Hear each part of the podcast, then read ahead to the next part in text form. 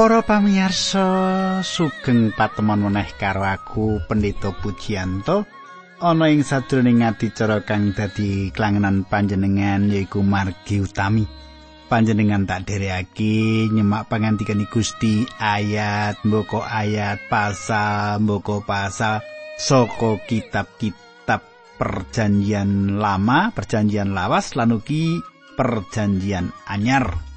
Panjenengan pancen tak aturi perkara-perkara kang magepan kayekten kanthi jangkep kabeh iku mirunggan kanggo panjenengan sing seneng sing kangen ngorong babagan-babagan kayekten kitab suci. Awit saka iku aku pendeta pujianto tansah ndongaake panjenengan supaya panjenengan aja nganti kari anggone sinau kitab suci iki. Sugeng midhangetake adicara iki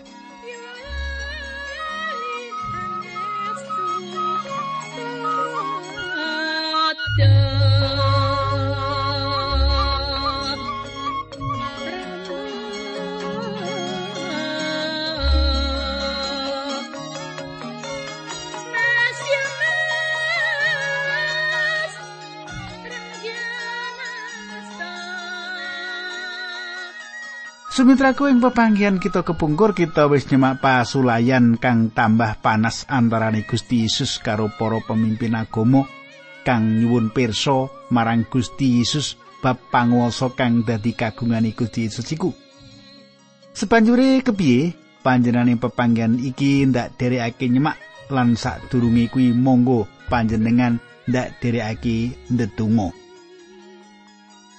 Duh Kanjeng Rama ing swarga kawula ngaturaken gunging panuwun menawi wekdal menika kawula saged tetunggilan kalian sedherek kawula sedaya pepalang ingkang badhe ngaru biru adicara menika supados paduka singkiraken awit saking panguwasipun Gusti Yesus Kristus. Dinambaran asmanipun Gusti kawula Yesus Kristus kawula nyuwun tuntunan ing adicara menika. Haleluya. Amin.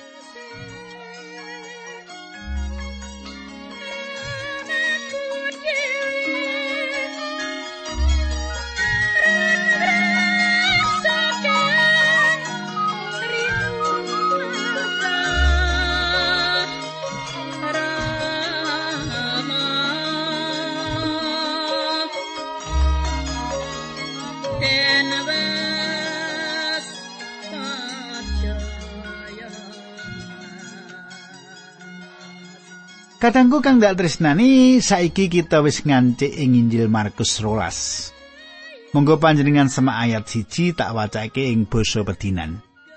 Gusti Yesus banjur wiwit mulang wong akeh mau nganggo pasemon, pangandikane ana wong bangun pakebunan anggur, pakebunan mau dipageri mupeng, nuli ngeduk jugangan kanggo meres anggure lan gawe panggung penjagan Pakebunan mau banjur disewakake marang wong-wong tani sawise mengkono wong mau lunga menyang manca negara. Kadangku manut kitab Yesaya 5 ayat 1 nganti pitu. Kebon anggur iku kalambangake bangsa Israel. Kala-kala bangsa Israel dilambangake wit anggur. Allah ngasta wit anggur iku metu saka Mesir. Panjenengane nandur wit anggur mau lan panjenengane maringi agama marang bangsa iku? Bangsa iki sawijining bangsa siji-sijine kang duweni agama kang diparingake Allah. Lan bangsa iki uga siji-sijining bangsa kang bisa ndeleng rawe Gusti Allah. Gereja-gereja ora tau ngalami perkara iki. Saiki Gusti Yesus paring pasemon marang para pemimpin agama ing jaman semono. Ayat loro nganti ayat kaping rolas. Ya mangkene sulasani barang wis mangsane panen wong mau utusan abdini supaya njaluk bagianing panen marang wong-wong sing padha nyewa mau. Nanging abdi mau dicekel dening wong-wong sing padha nyewa banjur digebuki sawise digebuki banjur dikon baling lentung Sing duwe pakebunan anggur banjur utusan abdi liyane nanging abdi kuwi uga dipentungi sirahe lan digawe sawenang-wenang. Wong sing duwe pakebunan anggur banjur utusan abdi liyane meneh nanging abdi mau malah dipateni. Mengkono uga akeh abdi-abdi liyane meneh sing padha disiksa dening sing padha nyewa pakebunan anggur mau, ana sing dikebuki lan ana sing dipateni. Saiki mung kari siji sing kena diutus ya kuwi anake dhewe, anak sing ditresnani. Anake mau banjur diutus, pikirane wong-wong kuwi mesti padha eling karo anakku dhewe. Nanging wong-wong sing padha nyewa mau malah padha rasanan lakai anake sing duwe pakebonan. Ayo padha dipateni wae supaya pakebonan iki dadi duweke awake dhewe. Anake sing duwe pakebonan mau banjur dicekel lan dipateni, layone diuncalake ing sanjabane pakebonan anggur. Pandangane Gusti Yesus, apa sing bakal ditindakake dening wong sing duwe pakebonan anggur mau? Wong mau bakal mangkat dhewe. Sing padha nyewa bakal padha dipateni, banjur pakebone disewake marang wong-wong liya. Kowe rak wis tau maca sing mangkene watu sing ditampik dening ahli gawe omah jebul watu kuwi sing malah gedhe dewi gunani. Kuwi pakaryane Gusti Allah sing gumunake banget. Para pangarepe bangsa Yahudi mau ngudi bisane nyekel Gusti Yesus sebab padha ngerti yen sing disemoni Gusti Yesus kuwi dheweke. Nanging wong-wong mau padha wedi karo wong akeh, mulane Gusti Yesus banjur dietokake wae nuli padha lunga. Kadangku monggo panjenengan tak derekake nggatekake sawijining perkara kang gumunake ing kene. Watu kang diguwak dening tukang-tukang bangunan wis dadi saka guru. Gedhe dhewe gunani. Apa kang diwulangake Gusti Yesus iki rong pasemon kang didadekake siji yaiku pasemon bab kebon anggur lan saka guru utawa watu sing gedhe dhewe gunani. Sang Kristus iku sawijining watu sandungan lan sawijining watu karang sandungan kanggone para pemimpin agama. Nanging tumrap wong kang mertobat dan manembah marang panjenengane, panjenengan iku dadi saka guru kang utama. Perkara iki bakal dileksanani ing jaman kang bakal teka nalika panjenengane rawuh meneh ing jagat iki.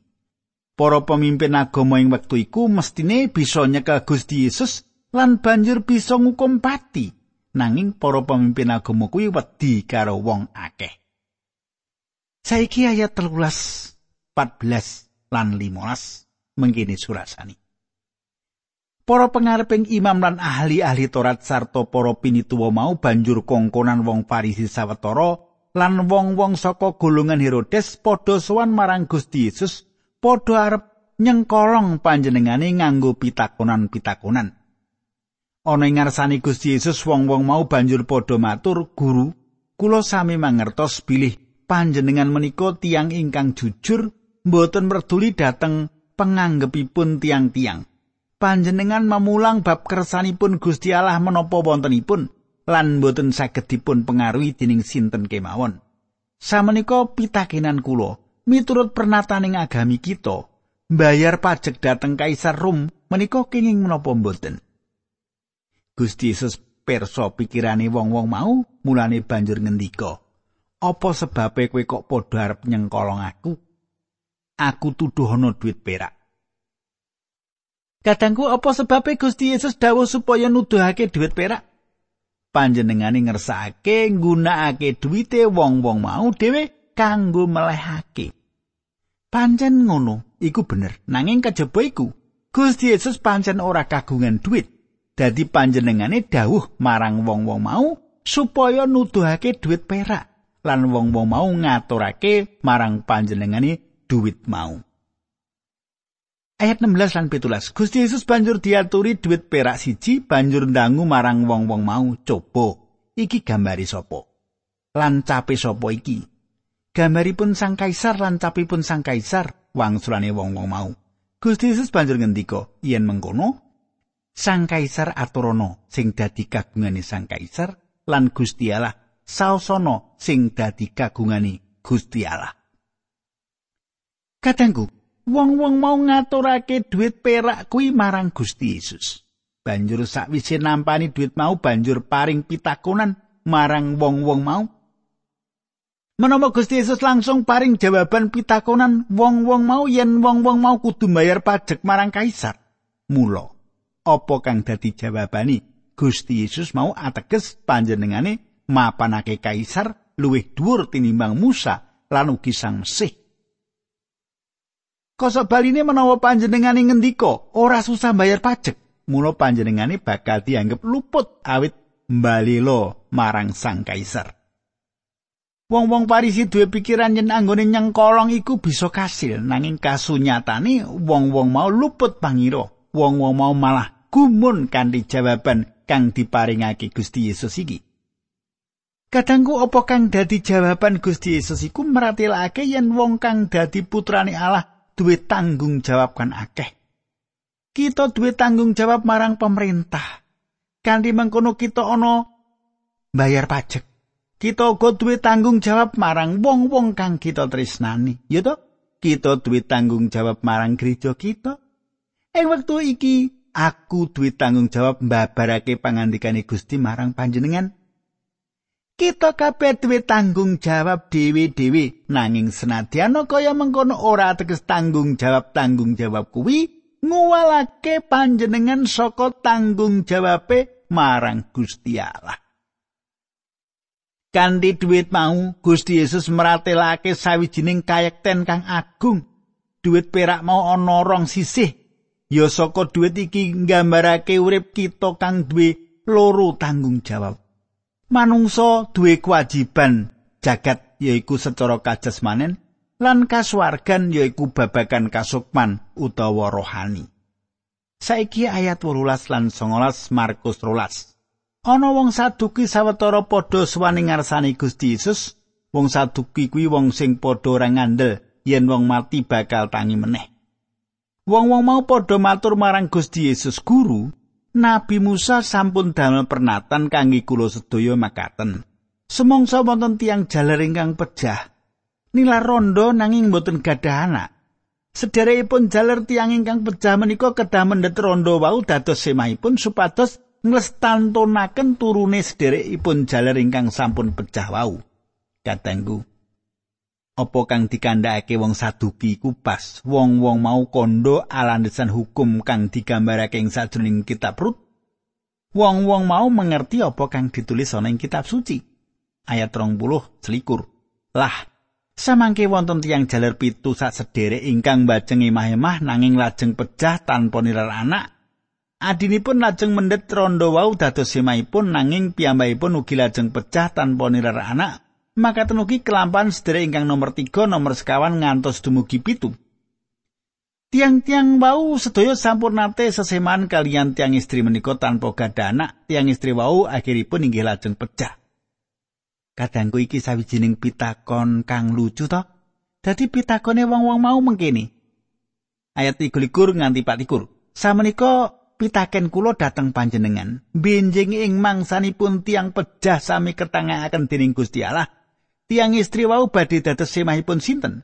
Awit sedaya sederek jaler pitu wau sampun nate mendhet tiang istri wau dados semahipun Gusti Yesus banjur ngendika kowe kuwi kliru banget. Awit padha ora ngerti surasane kitab suci lan ora ngerti marang panguasane Gusti Allah. Katangku panjenengan semak Gusti Yesus paring pangandika marang wong saduki yen wong-wong mau ora ngerti rong perkara. Siji, wong-wong mau ora ngerti kitab suci, loro, wong-wong mau ora ngerti panguasane Allah. Ayat selawi, sebab yen wong mati besok katangekake, wong-wong mau ora bakal omah-omah meneh, nanging bakal padha urip kaya malaikat ing swarga. Kadangku apa kang dingendikake Gusti Yesus kuwi ora teges yen wong lanang lan wong wadon kang wis urip bebarengan ing jagat iki ora bisa urip bebarengan ana ing swarga bisa. Ora mengkono, mung wae wong-wong mau ora bakal bebarengan kaya dene bojo. Wong-wong mau ora mbangun bebrayan ing kono lan wong-wong mau uga ora ngopeni anak. Ya mengkono kuwi kang dingendikake Gusti Yesus marang wong-wong saduki iki. ayat 21 nganti 17. Lan bab tangine wong mati apa kowe ora tau maca kitab Nabi Musa bab grumbul eri sing murup. Ing ayat-ayat mau ana tulisan yen Gusti Allah ngendika marang Nabi Musa, "Aku iki alai Abraham, alai Iskak lan alai Yakub." Apa Gusti Allah kuwi dudu alai wong urip? kuwi ateges yen wong sing ngabekti marang Gusti Allah kuwi wong-wong sing urip dudu wong mati. Sumitraku panjenengan persani wong-wong kang ora ngerti panguasane Allah. Gusti Yesus maringi jawaban-jawaban kang sak benere atas pitakone para pemimpin agama iki. Ayat 12 lan 29 Markus rolas. Ana para ahli Taurat sing ngrungokake wawancarane wong-wong saduki karo Gusti Yesus kuwi. Para ahli Taurat mau ngarani yen ngandikane Gusti Yesus bener banget. Dheweke banjur matur marang Gusti Yesus, "Angger-angger ingkang wigatos piyambak menika ingkang pundi?" Gusti Yesus ngendika, "Dawuh sing gedhe dhewe kuwi mengkene. Wong Israel padha rungokno, ora ana Allah liyane kejaba mung Allah sing kita bekteni." Katangku, apa kang katulis iku yaiku njupuk saka kitab pangandaring Torat 6 ayat 4. Apa kang ditulis iku dudu salah siji saka dosa titah nanging pratela kang paling gedhe ing perjanjian lawas. Ayat telung puluh nganti sak banjuri saka Markus rolas. Kowe padha tresno marang Gusti Allah kanthi gemblenging atimu lan gemblenging jiwa ragamu kanthi sakaing kapinteranmu lan sakatoking kekuatanmu. Dene dawuh sing nomor loro kowe padha tresno marang sak pepadamu kaya anggonmu tresno marang awakmu dhewe ora ana angger-angger liyane meneh sing gedhe ngungkuli angger-angger loro kuwi ayat 32 ahli Torat mau banjur nyambungi menika leres sanget kasinggihan menapa ingkang panjenengan ngendikaken ingkang jumeneng Allah mboten wonten sanesipun kajawi Gusti Allah piyambak. Ayat 33 lan manungsa kedah tresno dhateng Gusti Allah kanthi gemblenging manahipun kanthi sekataing pikiranipun kanthi sakatoking kegiatanipun sarta tresno dhateng sesami kados anggenipun tresnani dhateng badanipun piyambak menika langkung wigatos tinimbang ngurbanaken kewan lan sanes-sanesipun dhateng Gusti Allah. Ayat 34 Saka wangsulane ahli Taurat mau Gusti Yesus pirsa yen dheweke kuwi wong sing wicaksana, mulane Gusti Yesus banjur ngendika, "Kowe wis wiwit nyandak kepriye carane dadi umat ing kratoning Allah." Sepanjure ora ana maneh wong sing wani takon apa-apa marang Gusti Yesus. Kadangku, Apa kang dikandhakake para ahli Taurat iku pancen bener nresnani Allah lan nresnani pepadani luwih saka kabeh pisungsung lan kurban.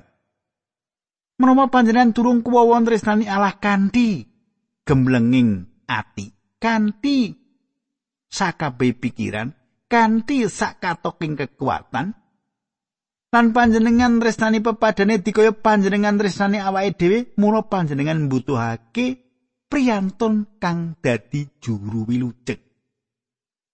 Panjenengan kudu ngunderake batin panjenengan marang panjenengane Gusti.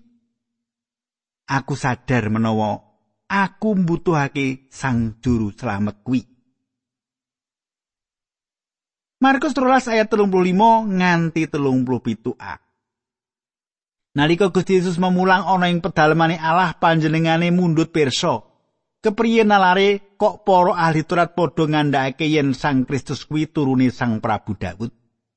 Mongko Sang Prabu Daud dhewe kanthi panuntune Roh Suci ngendika Gusti Allah wis ngendika marang Gustiku, lungguh ana ing tengenku nganti aku nelokake mungsuh-mungsuhmu ana ing telapakane sikilmu. Ayat 27a. Sang Prabu Daud dhewe nyebut Sang Kristus Gusti. Kepiye dene panjenengane kok turune Sang Prabu Daud?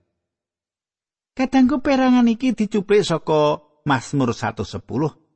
Kepiye Daud nalika dhewe ing rembug bab turune nyebut turune minangka gustine, siji-sijine cara ing ngendi Daud bisa nyebut Allah minangka gustine yaiku awit mesti panjenengane kuwi Gusti. Siji-sijine cara panjenengan bisa dadi Gusti yaiku dadi luwih saka mung sakderma anake Daud.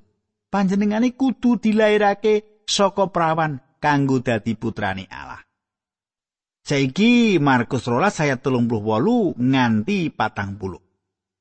Nalika Gusti Yesus mulang marang wong akeh mau panjenengane paring pitutur mengkini padha dingati-ati karo para ahli Taurat. Para ahli Taurat kuwi padha seneng nganggo jubah dawa lan seneng dihormati dening wong ing pasar-pasar. ana ing papan-papan pangibadahan ana ing pesta-pesta senenge padha milih panggonan sing ngarep dhewe. Nanging wong-wong mau padha seneng mblithuki lan ngrampas omahe rondo-rondo, banjur padha etok-etok ndedonga kang suwe kanggo nutupi piarane. Wong-wong sing mengkono kuwi bakal abot paukumane. Katanggu Gusti Yesus nyentula cara uripe para ahli Taurat awit uripe lelawanan karo apa kang diwulangake kitab suci. Pengadilan atas wong-wong mau bakal ngegirisi tinimbang karo wong kang durung tau krungu bab kitab suci. Lelakon pungkasan ing pasal iki meratelakake Gusti Yesus nuju mirsani wong-wong kang atur pisungsung. Ayat patang siji Nalika Gusti Yesus pinara ing sangareping peti pisungsung ing pedalemane Allah, panjenengane migatosake wong-wong nggone padha saos pisungsung akeh wong sugih-sugih sing padha saos pisungsung duit akeh Kadangku ing wektu iki Gusti Yesus mirsani panjenengan kapan wae panjenengan didawi ngaturake pisungsung marang pakaryane Allah. Panjenengane ora mirsani apa kang panjenengan aturake nanging panjenengane mirsani sepiro akeh panjenengan nyimpen kanggo panjenengan dhewe. Ayat patang peluru.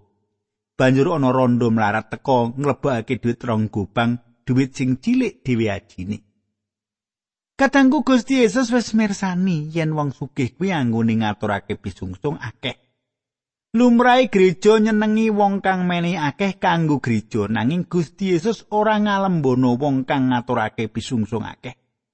Panjenengane mirsani rondo kang ngaturake pisungsung rong gobang iku kabanding karo bondo dunyane pedalaman Allah apa kang diaturake rondo mau ora ana ajine nanging apa panjenengan pirsa kang ditindakake Gusti Yesus? Panjenengane ngrubah duit gobang mau dadi duit lan emas kasuwargan lan andadeke luwih aji tinimbang apa wae kang tau dipisungsungake dening wong sugih mau. Panjenengan ngerti ki kenapa awet Gusti Yesus mirsani yen rondo mau ora nyimpen duit senadan setitik kanggo awake dhewe nanging kabeh duwite kaaturake kunjuk Gusti katresnan lan pangawula rondo iku sawijining sih rahmat yaiku cara Gusti ngukur apa kang kita aturake marang Gusti. Katanggu kepiye teruse perangan iki kita bakal nyemak ing sajroning ayat-ayat banjuri saka kitab Injil Markus iki. Ing pepanggen kita sebanjuri awis saka iku panjenengan tak suwun aja nganti panjenengan ora mirengake ati cara iki. Monggo kita ndedonga Duh Kanjeng Rama ingkang adhedhampar wonten kraton ing kasuwargan kawula ngaturaken gunging panuwun menawi dal menika kawula saged midhangetaken kayektosan saking pangandikan paduka kawula nyuwun supados kanthi Sang Roh Suci piyambak ingkang njlentrihaken kanthi wijang dumateng manahipun para sedherek kawula menika. Kanthi asmanipun Gusti kawula Yesus Kristus kawula netunggal haleluya. Amin